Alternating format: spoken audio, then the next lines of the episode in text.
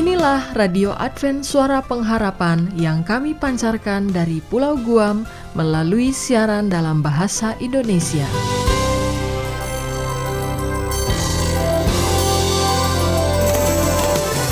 Salam sejahtera kepada saudara pendengar di mana pun Anda berada. Selamat berjumpa kembali dengan kami Radio Advent Suara Pengharapan.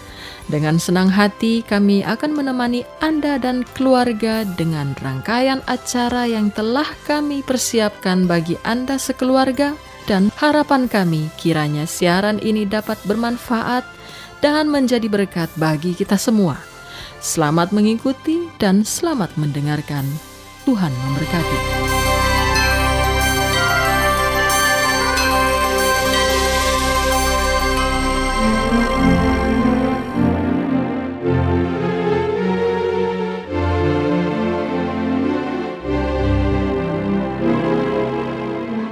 Saudara pendengar yang setia Radio Advent Suara Pengharapan Saat ini tibalah kita di acara kesehatan. Besar harapan kami agar program acara ini boleh menambah pengetahuan kita semua. Karena kita tahu bersama bahwa di dalam tubuh yang sehat terdapat jiwa yang kuat. Namun sebelumnya mari kita mendengarkan lagu pujian yang berikut ini. Selamat mendengarkan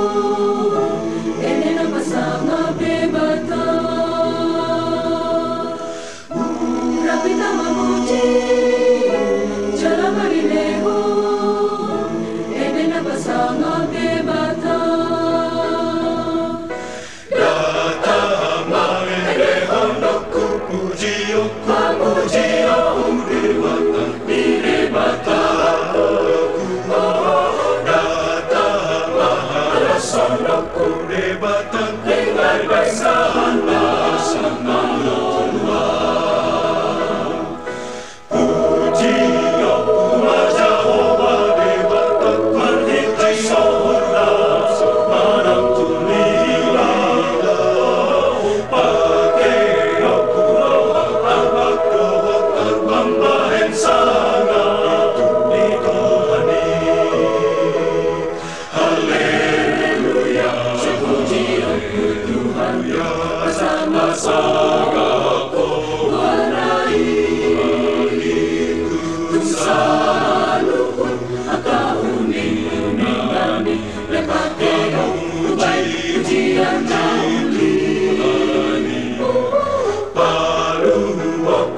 passar um meu.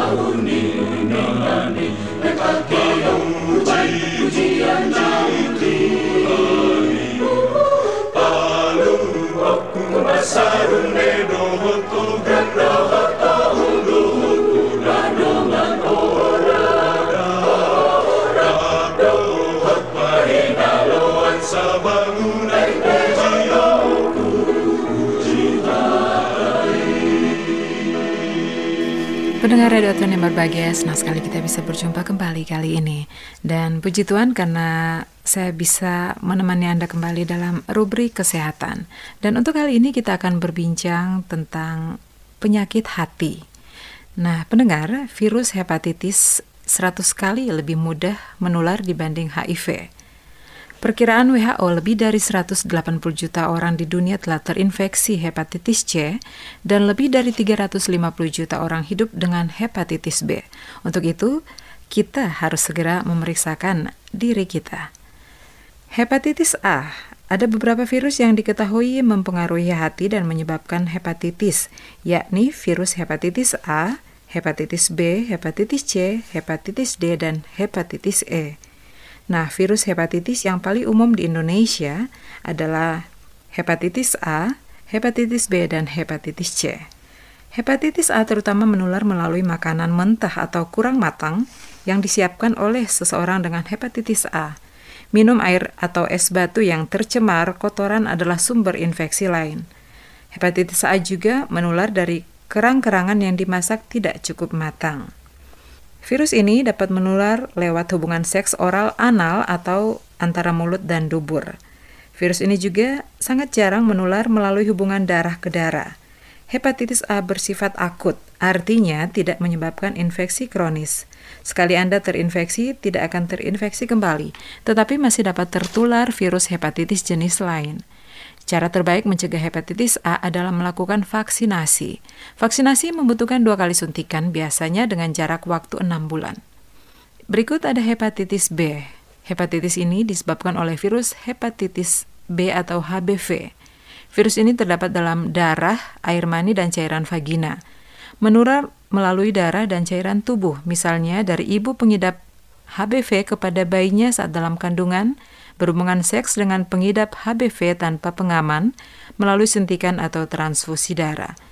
Virus ini jarang ditemukan dalam air liur, keringat, dan air mata. 30% penderita tidak mengetahui bagaimana atau kapan mereka tertular. Virus ini tidak menular melalui makanan. Tanpa pengobatan, hepatitis B dapat menjadi cikal bakal masalah kesehatan yang serius seperti sirosis, kanker hati, dan gagal hati. Tersedia dua jenis pengobatan untuk hepatitis B kronis, yakni terapi berbasis interferon dan antivirus oral. Untuk menghadapi hepatitis B, Anda harus menerapkan gaya, hidup sehat, makan dan minum yang seimbang, tidak menyentuh alkohol, tetap bugar, hentikan merokok, gunakan obat dan suplemen alami dengan hati-hati. Kemudian ada virus hepatitis C. Di antara semua jenis virus pada hati, HCV menjadi penyebab utama infeksi yang sifatnya menular. Virus ini dapat mengakibatkan infeksi seumur hidup, sirosis, kanker hati, kegagalan hati yang berujung pada kematian. Virus ini terkandung dalam darah, artinya virus ini menyebar atau menular melalui darah dan produk-produk darah. Umumnya cara penularan meliputi luka tusuk jarum suntik di kalangan tenaga kesehatan, Virus ini juga menular melalui pemakaian narkoba suntik, semisal pemakaian jarum suntik secara bergantian. Juga lewat tindik atau tato menggunakan jarum yang tidak steril atau tinta yang telah terkontaminasi, pemakaian barang perawatan pribadi secara bergantian, misalnya pisau cukur, sikat gigi, gunting kuku, atau pengikir kuku. pemakaian kokain isap menggunakan sedotan yang sama secara bergantian atau aktivitas seksual yang menyebabkan perdarahan. Belum ada vaksin yang dapat melindungi diri kita dari virus HCV atau hepatitis C ini. Virus ini tidak menular melalui kontak biasa seperti berpelukan, bersin, batuk, atau duduk berdekatan dengan pengidap hepatitis C. Hepatitis C jarang ditularkan lewat aktivitas seksual, namun mereka yang memiliki banyak pasangan seksual lebih berisiko untuk terkena infeksi HCV. Pendengar, gejala hepatitis A bisa kita lihat dari warna kulit dan pulih atau putih mata menjadi kekuningan. Kelelahan, sakit perut kanan atas, hilang nafsu makan, berat badan menurun, demam, mual, mencret atau diare, muntah, air seni seperti teh dan atau kotoran berwarna dempul, dan sakit sendi. Dan untuk gejala hepatitis B, gejalanya berupa sama dengan gejala hepatitis A. Beberapa orang merasa begitu sakit dan lelah sehingga tidak dapat melakukan apa-apa selama beberapa minggu atau bulan. Dapat mengalami infeksi cepat atau berat meskipun jarang tetapi dapat menyebabkan kegagalan hati dan kematian. Kemudian untuk gejala hepatitis C, hanya satu dari empat orang mengalami gejala saat pertama terinfeksi hepatitis. Gejalanya kelelahan, hilang nafsu makan, mual, sakit kepala, demam, muntah, sakit kuning, kehilangan berat badan, gatal, depresi, suasana hati berubah-ubah, bingung, sakit pada otot dan sendi, sakit perut, pembengkakan pada pergelangan kaki, perut menjadi buncit. Nah pendengar, ada 15 langkah atau beberapa langkah yang harus kita lakukan agar supaya kita bisa terhindar dari virus ini. Lakukan vaksinasi hepatitis A dan B bila belum ada antibodi. Kemudian jangan memakai alat berganti-gantian seperti perlengkapan suntikan, sendok, kapas, sedotan, sikat gigi, pisau cukur, gunting kuku, dan lain-lain. Kurangi atau hentikan konsumsi alkohol karena dapat meningkatkan resiko sirosis dan kanker hati secara bermakna. Bila Anda mengidap HIV dan HBV, sebaiknya hubungi dokter ahli Bila Anda mempertimbangkan terapi yang terbaik adalah pendekatan tim yang terdiri atas spesialis hati, HIV atau penyakit dalam dan psikiater. Kemudian periksa ke dokter secara berkala termasuk pemeriksaan enzim hati. Berikutnya, makan menu seimbang dengan sayuran, buah-buahan, daging tanpa lemak. Kurangi makanan tinggi garam, gula atau lemak seperti keju, makanan cepat saji, gorengan, biskuit, kue, makanan yang dikemas dengan masa kadaluarsa panjang, dan makanan instan. Kemudian makan protein secara seimbang. Kelebihan protein dapat membebani hati. Minum banyak cairan terutama air putih untuk membilas racun dari tubuh. Berolahraga secara teratur dan mengendalikan stres. Kemudian hati-hati terhadap beberapa obat acetaminophen seperti obat pereda sakit ya, terutama non aspirin. Acetaminophen terdapat dalam banyak macam obat karena itu baca artikel atau artikel obat secara seksama. Hindari vitamin A, D, E, dan K dengan dosis tinggi. Berbagai zat termasuk jamu dapat menyebabkan efek samping dan berinteraksi dengan obat lain yang dipakai. Hindari rempah-rempah yang meracuni hati seperti peppermint, teh yerba, dan beberapa rempah lainnya. Yang terakhir, jangan memakai tambahan zat besi kecuali diusulkan dokter, karena zat besi berlebihan dapat menambah beban pada hati. Pendengar sekalian, mudah-mudahan informasi tentang beberapa penyakit virus hepatitis ini bisa menjadi berkat bagi kita semua. Sampai jumpa, Tuhan Yesus memberkati.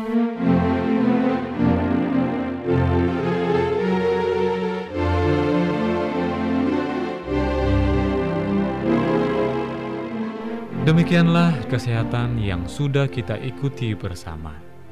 Semoga boleh bermanfaat bagi kita semua di dalam kehidupan kita.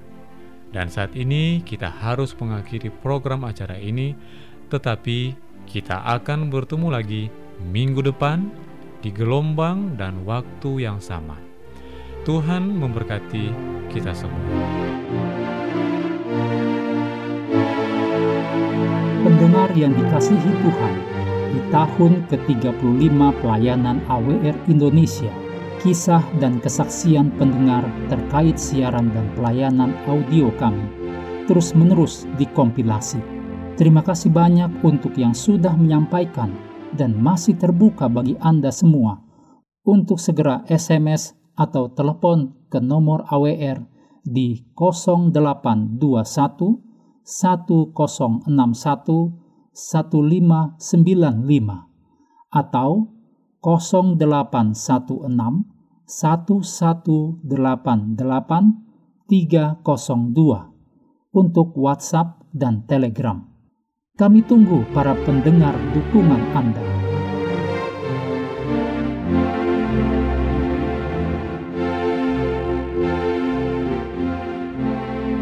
Selanjutnya, marilah kita mengikuti mimbar suara pengharapan. Dan bunyikanlah, Yesus mau datang segera. Nyanyi musafir dan pujikanlah, Yesus mau datang segera. Datang segera. Inilah mimbar suara pengharapan dengan tema Sukacita dalam bait Allah. Selamat mendengarkan. Bangsa marah itu tandanya Yesus mau datang segera Pengetahuan bertambah-tambah Mau datang segera. Datang segera Datang segera. Yesus mau datang segera. Salam saudaraku yang diberkati Tuhan.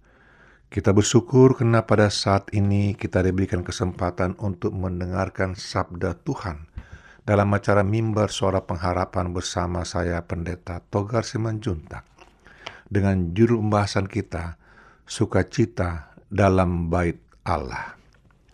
Saudara, mari kita buka Lukas pasal yang ke-24 ayat yang ke-52 dan 53. Firman Tuhan berbicara, mereka sujud menyembah kepadanya, lalu mereka pulang ke Yerusalem dengan sangat bersuka cita. Mereka senantiasa berada dalam bait Tuhan dan memuliakan nama Tuhan. Nah, saudara, sukacita dalam bait Tuhan itu memang bukan sekedar sukacita seperti anak-anak menerima permen, atau seperti kita baru naik kelas, atau mau lulusan, atau mungkin baru terima bekerja, atau mungkin baru menikah. Beda saudaraku, sukacita dalam Tuhan itu adalah satu kenyamanan yang Tuhan berikan. Ya, Tuhan berikan bagi saudara saya yang tidak bisa dihitung dengan nilai materi. Tidak bisa dengan materi. Mereka datang pada saat Yesus datang ke bait suci, lalu mereka melihat Yesus dan mereka pun sangat senang bertemu dengan dia. Saudara, apabila sahabat-sahabat Yesus bertemu dengan sahabat mereka, yaitu Yesus setelah kebangkitannya, alangkah besarnya sukacita hati mereka. Yohanes mengatakan bahwa ia menyediakan makanan sederhana untuk menyambut pertemuan mereka. Lukas berkata bahwa ia meletakkan tangan di atas kepala mereka untuk memberkati mereka. Lalu ketika Yesus mati, murid-muridnya berduka cita, semasa diliputi kedukaan dan keputusasaan. Mereka pergi ke pantai Galilea dan dengan hati berat mereka memutuskan akan akan kembali menjadi nelayan. Tetapi Yesus punya pikiran yang lain. Ia menanyakan kepada kebangkitannya yang menimbulkan kacau besar di Yerusalem sehingga Yerusalem itu sendiri pun mereka pasti sukses. Kita tidak mengetahui apa yang terjadi selama perjalanannya dari Yerusalem ke Galilea. Tuhan dapat dipastikan akan berjalan cepat disertai nyanyian dan pujian. Pada waktu rombongan tersebut mengingat perjalanan mereka yang dahulu mereka tentu akan teringat kejadian itu dan itu mereka semakin bersemangat dan yakin. Jadi pada saat itu saudaraku banyak orang-orang yang katakan tidak tersentuh hatinya untuk membantu membagikan sesuatu kepada para penduduk untuk menolong mereka dari keringanan materi. Mereka tidak terpikirkan saudaraku. Bayangin apakah itu karena anaknya kehidupan Yesus itu saat itu sangat sederhana ataukah mungkin Yesus dilihat dari keluarga yang miskin sehingga mereka tidak berpikirkan tetapi sudah banyak orang-orang kaya itu tidak terpikirkan untuk membantu ya. Tidak senang mereka datang ke gereja ke bait suci Tuhan. Mereka tidak datang ke sana mendengar Yesus berbicara. Padahal kalau kita masuk dalam bait suci kita sangat bersuka cita, saudaraku, sangat bahagia sekali. Nah, saudaraku, dalam pikiran Yesus dia menyaksikan kebangkitannya telah menimbulkan kacau besar Yerusalem, tetapi dia tetap Yesus tinggal di bait suci untuk mengajak mereka juga sama-sama ke bait suci, berbakti menyembah Tuhan. Saudara, kita tidak mengetahui apa yang terjadi selama perjalanannya dari Salem ke Galilea, tetapi pastikan bahwa itu berjalan disertai nyanyian dan puji-pujian. Pada saat rombongan tersebut mengingat kepercayaan mereka yang dahulu, mereka tentu akan teringat kejadian ini dan itu mereka akan semakin bersemangat ya dan yakin akan kuasa Yesus yang bisa memberikan penyembuhan kepada mereka, mengembalikan akan kehidupan mereka bila mereka selalu datang ke dalam bait suci. Lalu Lukas bertingkat akan perumpamaan-perumpamaan. Ia mengawali Injilnya dengan sukacita karena berharap akan menjadi seperti seorang anak yang dikarunia roh yang disediakan jalan bagi Yesus. Kisahnya diakhiri dengan sukacita akan kedatangan kalian Roh Kudus yang akan mempersiapkan para ah, rasul untuk memberitakan Injil ke seluruh dunia. Saudaraku, sukacita yang dialami Yesus ketika berada di bait suci itu menggemah di seluruh kitab Injil. Ya, uh, kitab Injil kita itu ke uh, Matius, Markus, Lukas, Yohanes itu yang langsung murid-murid berada interaksi kepada Yesus pada waktu masih hidup melayani di dunia ini.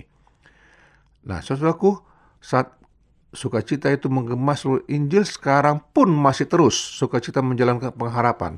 Seperti pengharapan memberikan kita janji-janji Tuhan serta mengkokohkan di dalam Yesus. Demikian juga kebimbangan melakukan Injil itu serta menyakitkan kesanggupan bagi kehidupan kita. Ini sangat perlu kita lakukan. Itu dalam buku saya dikatakan bahwa kita harus melakukannya juga. Bagaimana kehidupan Yesus itu sudah dinubuatkan ya dan dinyatakan dalam buku Lukas ini. Sukacita yang bawa para rasul ke Yerusalem untuk menantikan ke karunia Yesus itu roh tersebar seperti sampar ya penyakit saudara seperti sekarang COVID menyebar cepat sekali pekabaran itu di seluruh kota itu Menurut catatan pasti Bu Kisah bahwa Serambi Salomo sudah berubah menjadi pusat penginjilan jemaat yang masih bayi itu. Saudara, dapatkah kita mengalami sukacita yang demikian dewasa ini? Tentu. Jika kita sama seperti murid-murid itu, memahami bahwa Yesus menggenapi nubuatan dan memenuhi keluhan saat itu. Tetapi, jika bertemu dengan dia, serta mendoakan agar rohnya turun, tentunya kita saling menceritakan apa yang telah dilakukan Yesus bagi kita. Kehidupan jiwa yang besar, yang benar dan menggembirakan ialah dengan memperoleh Kristus dalam hati kita dan pengharapan kemuliaan itu dalam kehidupan kita. Nah, saudara, sukacita kita tidak bisa buat-buat, saudaraku. Tidak bisa dibuat-buat. Itu datang secara alamiah jika kita mensyukuri segala sesuatu yang ada kita miliki, yang kita terima. Dan kita mensyukuri itu. Dan juga membuat kita sangat senang. Apalagi, saudaraku, kita datang ke ke bait suci atau gereja itu perasaan kita ingin bertemu dengan Yesus ya yang sudah mati dan menyelamatkan kita. Dan ini harus kita tanamkan dalam hidup kita saudaraku. Karena pengalaman dari murid-murid Yesus yang ditulis dalam buku keempat Injil bahkan juga kisah para rasul ya menceritakan bagaimana Yesus selalu membawakan murid-murid ke bait suci menunjukkan contoh pelayanannya itu sangat penting dilakukan saudaraku jika tidak maka mereka akan terpengaruh dengan ajaran-ajaran orang-orang yang jahat pada saat tersebut. Ya, saudaraku. Jadi jangan pernah ragu saudaraku datang ke bait suci, bersuka cita bertemu dengan Yesus, mendengarkan firman Tuhan, dibawakan oleh hamba-hamba Tuhan. Saudaraku, jika ada pertanyaan atau ada suatu hal yang mau minta didoakan, hubungi kami di pelayanan mimbar suara pengharapan. Dengan penuh sukacita, kami akan selalu berdoa dan melayani saudaraku. Salam saudaraku, Tuhan memberkati. Amin.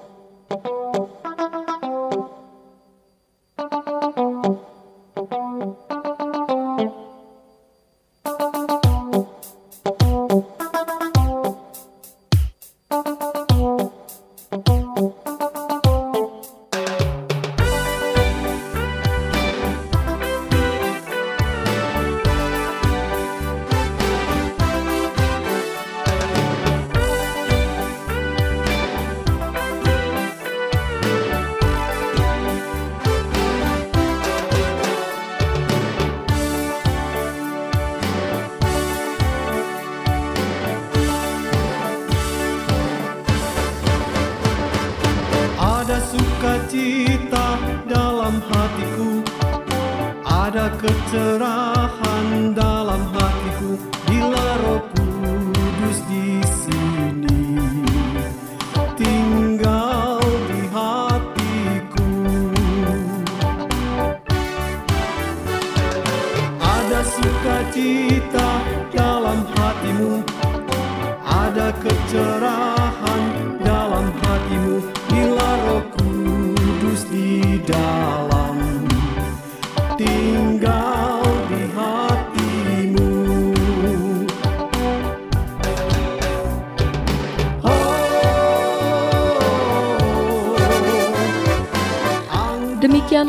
Rangkaian acara yang dapat kami persembahkan hari ini. Dan apabila Anda mempunyai pertanyaan atau ingin mendapat pelajaran Alkitab penemuan baru, Anda dapat mengirim surat ke alamat Radio Advent Suara Pengharapan, PO Box 8090 Jakarta 12810 Indonesia. Anda juga dapat menghubungi kami melalui telepon atau SMS di nomor 0821 1061 1595 atau Anda dapat menulis di email kami awrindonesia@yahoo.co.id. Anda juga dapat bergabung di Facebook kami Pendengar Radio Advent Suara Pengharapan atau di Radio Advent Suara Pengharapan. Terima kasih kami ucapkan bagi Anda semua pendengar kami yang setia. Kita akan berjumpa kembali pada waktu dan gelombang yang sama esok hari. Salam kasih dan sejahtera, kiranya Tuhan memberkati kita semua. Ada rasa damai dalam hatiku Ada rasa